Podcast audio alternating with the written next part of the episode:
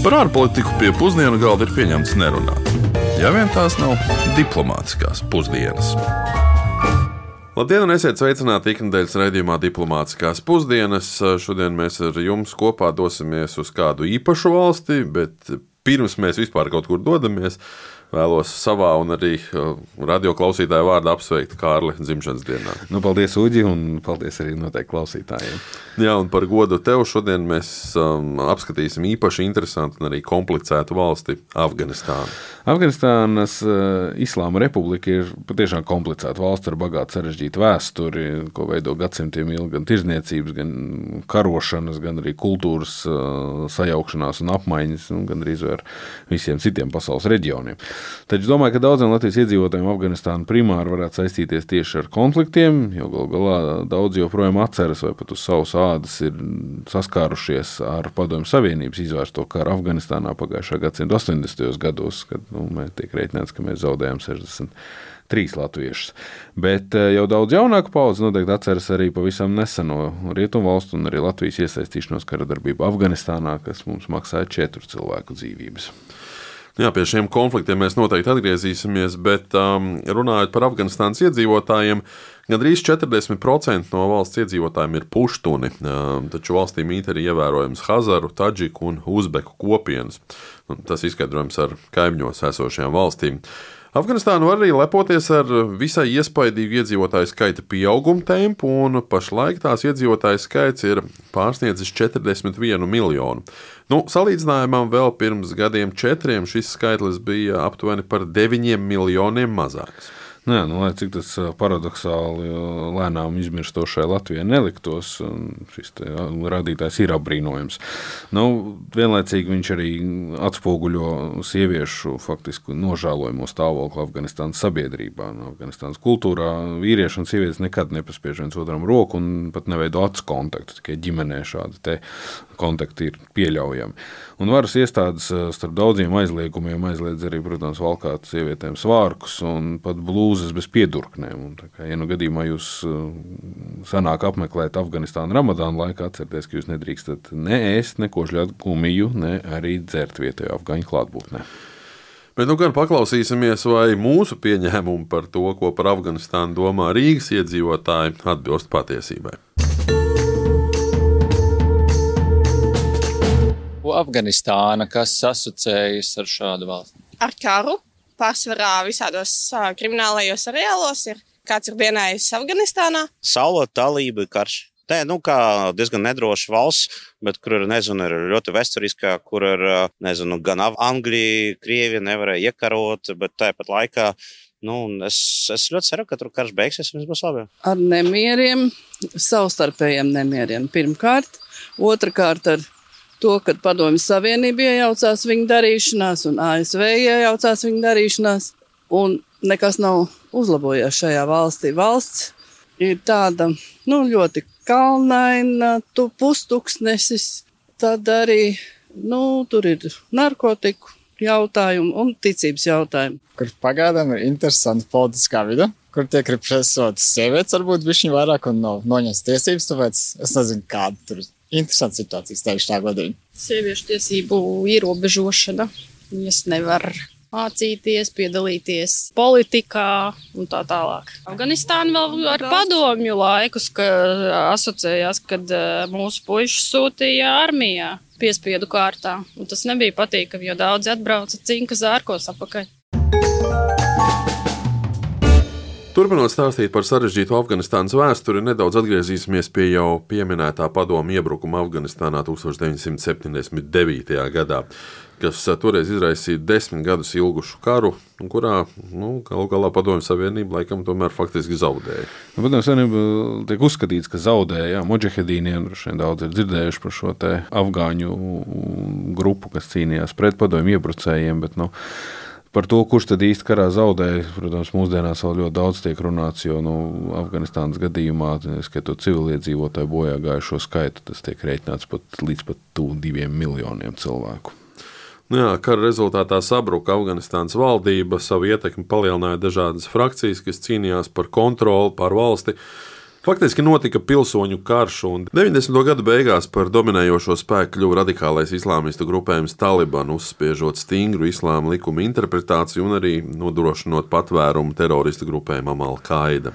Talibans eh, daudziem ir pazīstams ar savu nežēlīgo taktiku jau kopš 90. gadiem, un tostarp pašnāvnieku spridzināšanām, slepkavībām, publisku nāvisodu izpildi. Taliba valdīja Afganistānā no 96. līdz 2001. gadam un atguva kontroli 2021. gada vasarā pēc uh, visnotaļ straujas militārās kampaņas, uh, kas bija tieši rezultāts ASV un NATO spēku izvešanai šī paša mūsu ASV prezidenta Joe Baidena valdīšanas laikā.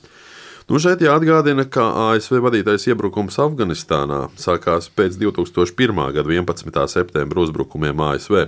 Un toreiz tika apgalvots, ka tieši Afganistānā slēpjas Al-Qaida līderis Osama Bin Ladens, kurš bija arī galvenais 11. septembra terora aktu organizators, iniciators. Nu jā, kā daļa no starptautiskiem centieniem stabilizēt Afganistānu, NATO 2003. gadā izvietoja valstī karaspēku, lai atbalstītu Afganistānas valdību. NATO misija Afganistānā, pazīstama kā Startautiskie drošības atbalsta spēki, ISAF, piedalījās karavīri no daudzām valstīm, kas strādāja kopā ar Afganistānas drošības spēkiem, lai cīnītos pret talību nemierniekiem un atbalstītu atjaunošanas centienus. Nu jā, starptautisko spēku darbība visai ātri noveda pie talību režīmu kāšanas un jaunas valdības izveides, nu, lai gan tika pielikts nemazums pūļu, lai reformētu valdību un stiprinātu valstiskās institūcijas. Progress tomēr bija visai lēns un arī nevienmērīgs, un, un arī jaunā valdība diezgan drīz jau tika apsūdzēta korupcijā. Nu, taču jāsaka, ka tieši starptautiskajai palīdzībai un atbalstam bija ļoti liela nozīme Afganistānas spēju veidošanā un arī dažādu pamatu pakalpojumu nodrošināšanā. Un par to, kāda bija tieši nozīme Latvijas dalībai NATO misijā Afganistānā, to mēs vaicājām Saimnes ārlietu komisijas vadītājam Rihardam Kolam. Pirms pāris gadiem, vērojot traģiskos notikumus Afganistānā, daudz plaši atkārtoja klišejisko jautājumu, kāpēc mēs tur bijām. Ir vērts atcerēties, ka Latvijas bruņotie spēki bija Afganistānā, lai solidāri palīdzētu mūsu NATO sabiedrotajiem. 2001. gadā, lai palīdzētu Amerikas Savienotajām valstīm pēc Al-Qaida uzbrukumiem ASV teritorijā, NATO partneri pirmo un vienīgo reizi šīs organizācijas vēsturē nolēma iedarbināt Ziemeļatlantijas līguma 5. pāntu. Mēs bijām kopā ar saviem tobrīd vēl topošajiem sabiedrotiem. Latvija vēl nebija pilnvērtīga alianses dalībvalsts, kas ir būtisks šo uzsvērt apstākļu. Šādi tika pārliecinoši demonstrēts, ka mēs esam gatavi būt pilnvērtīgi un lojāli sabiedrotie. Tā arī nodrošinājām, ka Latvija var rēķināties, ka krīzes situācijā viņi būtu gatavi cīnīties pats pie pleca ar mums, kad vajadzēs aizstāvēt Latviju. 2014. gads un pēc tam nu jau 2022. gads Krievijas visaptvarošs uzbrukums Ukrainai apliecināja, ka draudi arī mums bija un ir reāli. Latvijas klātbūtne un palīdzība koalīcijas spēkiem miera uzturēšanā Afganistānā un arī Irākā ir Latvijas ieguldījums starptautiskajā drošībā un garantē starptautisko partneru palīdzību Latvijai, ja tāda būs nepieciešama, jo mūsu drošība ir arī visas brīvās pasaules atbildība. Sniedzot palīdzību Afganistānas drošības spēkiem kopā ar NATO sabiedrotiem, Latvija šajā valstī pavadīja 18 gadus. Tā bijusi līdz šim lielākā un apjomīgākā nacionālo bruņoto spēku iesaiste starptautiskajās operācijās. Kopumā uz Afganistānu no 2003. līdz 2021. gadam ir nosūtīti aptuveni 2800 NBS karavīru, kuri uzturējušies vairākās bāzēs. Kopumā ik vienas starptautiskās operācijas galvenā būtība ir došana, nevis ņemšana, un Latvija ir devusi daudz.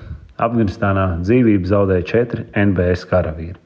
Diškarēvis Edgars Ozoliņš, Diškarēvis Andrejs Merkuševs, Seržants Valdemārs Anševits un kaprāls Dāvis Baltābols. Afganistānas misija Latvijas bruņoto spēku vēsturē atstājusi dziļas pēdas gan ar milzīgu ieguldījumu no valstiskā viedokļa šajā reģionā, gan ar pamatīgu pieredzi mūsu karavīriem, kas savukārt veicinājis Latvijas aizsardzības spēju pieaugumu. Latvijas armijas gaisa atbalsta kontrolieri ir viena no bruņoto spēku kaujas spējām, kas nulles attīstīties līdz elites līmeņa vienībai. Tie ierindojumi tā sauktajā elitārā gudro karavīru kategorijā. Arī misijās bijušie karavīri uzskata, ka misijas viennozīmīgi bijušas vajadzīgas, jo Latvijas armijai deva iespēju ļoti ātri attīstīties. Taču, kā mēs atceramies, tad ne startautiskie, ne vietējie centieni nesniedz gaidītās straujās pārmaiņas, un vietējo cilšu starpā atkal sāk uzjundīt domstarpības. Un šo neapmierinātību ar lēnām pārmaiņām savā labā kārtējo reizi izmantoja tālība, kur ļoti efektīvi un ātri pārgrupējās un sāka sacelšanos pret jauno valdību un ārvalstu spēkiem, atkal atgriežoties pie šariet likuma ieviešanas. Šis konflikts ir postoši ietekmējis miljoniem afgāņu dzīvību, un pēdējos gados upuru civiliedzīvotāju skaits ir sasniedzis arī rekordaugstu līmeni. Tas ir veicinājis arī miljoniem cilvēku pārvietošanos, daudzi no kuriem bija spiesti gan pamest savas mājas, meklēt patvērumu citās valsts daļās vai kaimiņu valstīs, un daudzi pat ir mērojuši tālo un bīstamo ceļu līdz Eiropai, daži ir nonākuši arī Latvijā. Nu, šim notiekošajam konfliktam Afganistānā, protams, ir bijusi arī plašāka reģionāla un globāla ietekme. Un ilgus gadus kara darbība Afganistānā bija viens no tā dēvētajiem karstajiem punktiem. Nu, tam jau kopš tā laika ir sekojusi gan Irāka, gan Lībija, gan Sīrija, gan Jemena un arī visbeidzot arī Ukraina. Bet visu šo konfliktu dēļ ir interesanti paskatīties arī uz to, kāda ir pašreizējā ekonomiskā situācija, kā arī izpostītajā valstī, par kur daudz saka, ka tai esot milzīgs potenciāls, to starp derīgo izrekteņu jomā. Pašlaik Afganistāna joprojām ir viena no nabadzīgākajām valstīm pasaulē. Tās IKP uz vienu iedzīvotāju pēc pirktspējas paritātes ir 21 reizes mazāks nekā Latvijā, un tie ir tikai 1300 eiro.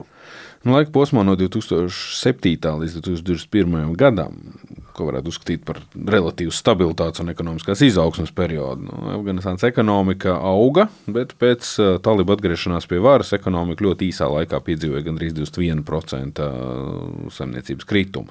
Rezultātā pagājušā gada vidū valstī apmēram divas trešdaļas no mājsaimniecībām nevarēja atļauties pārtiku un pat pirmās nepieciešamības preces.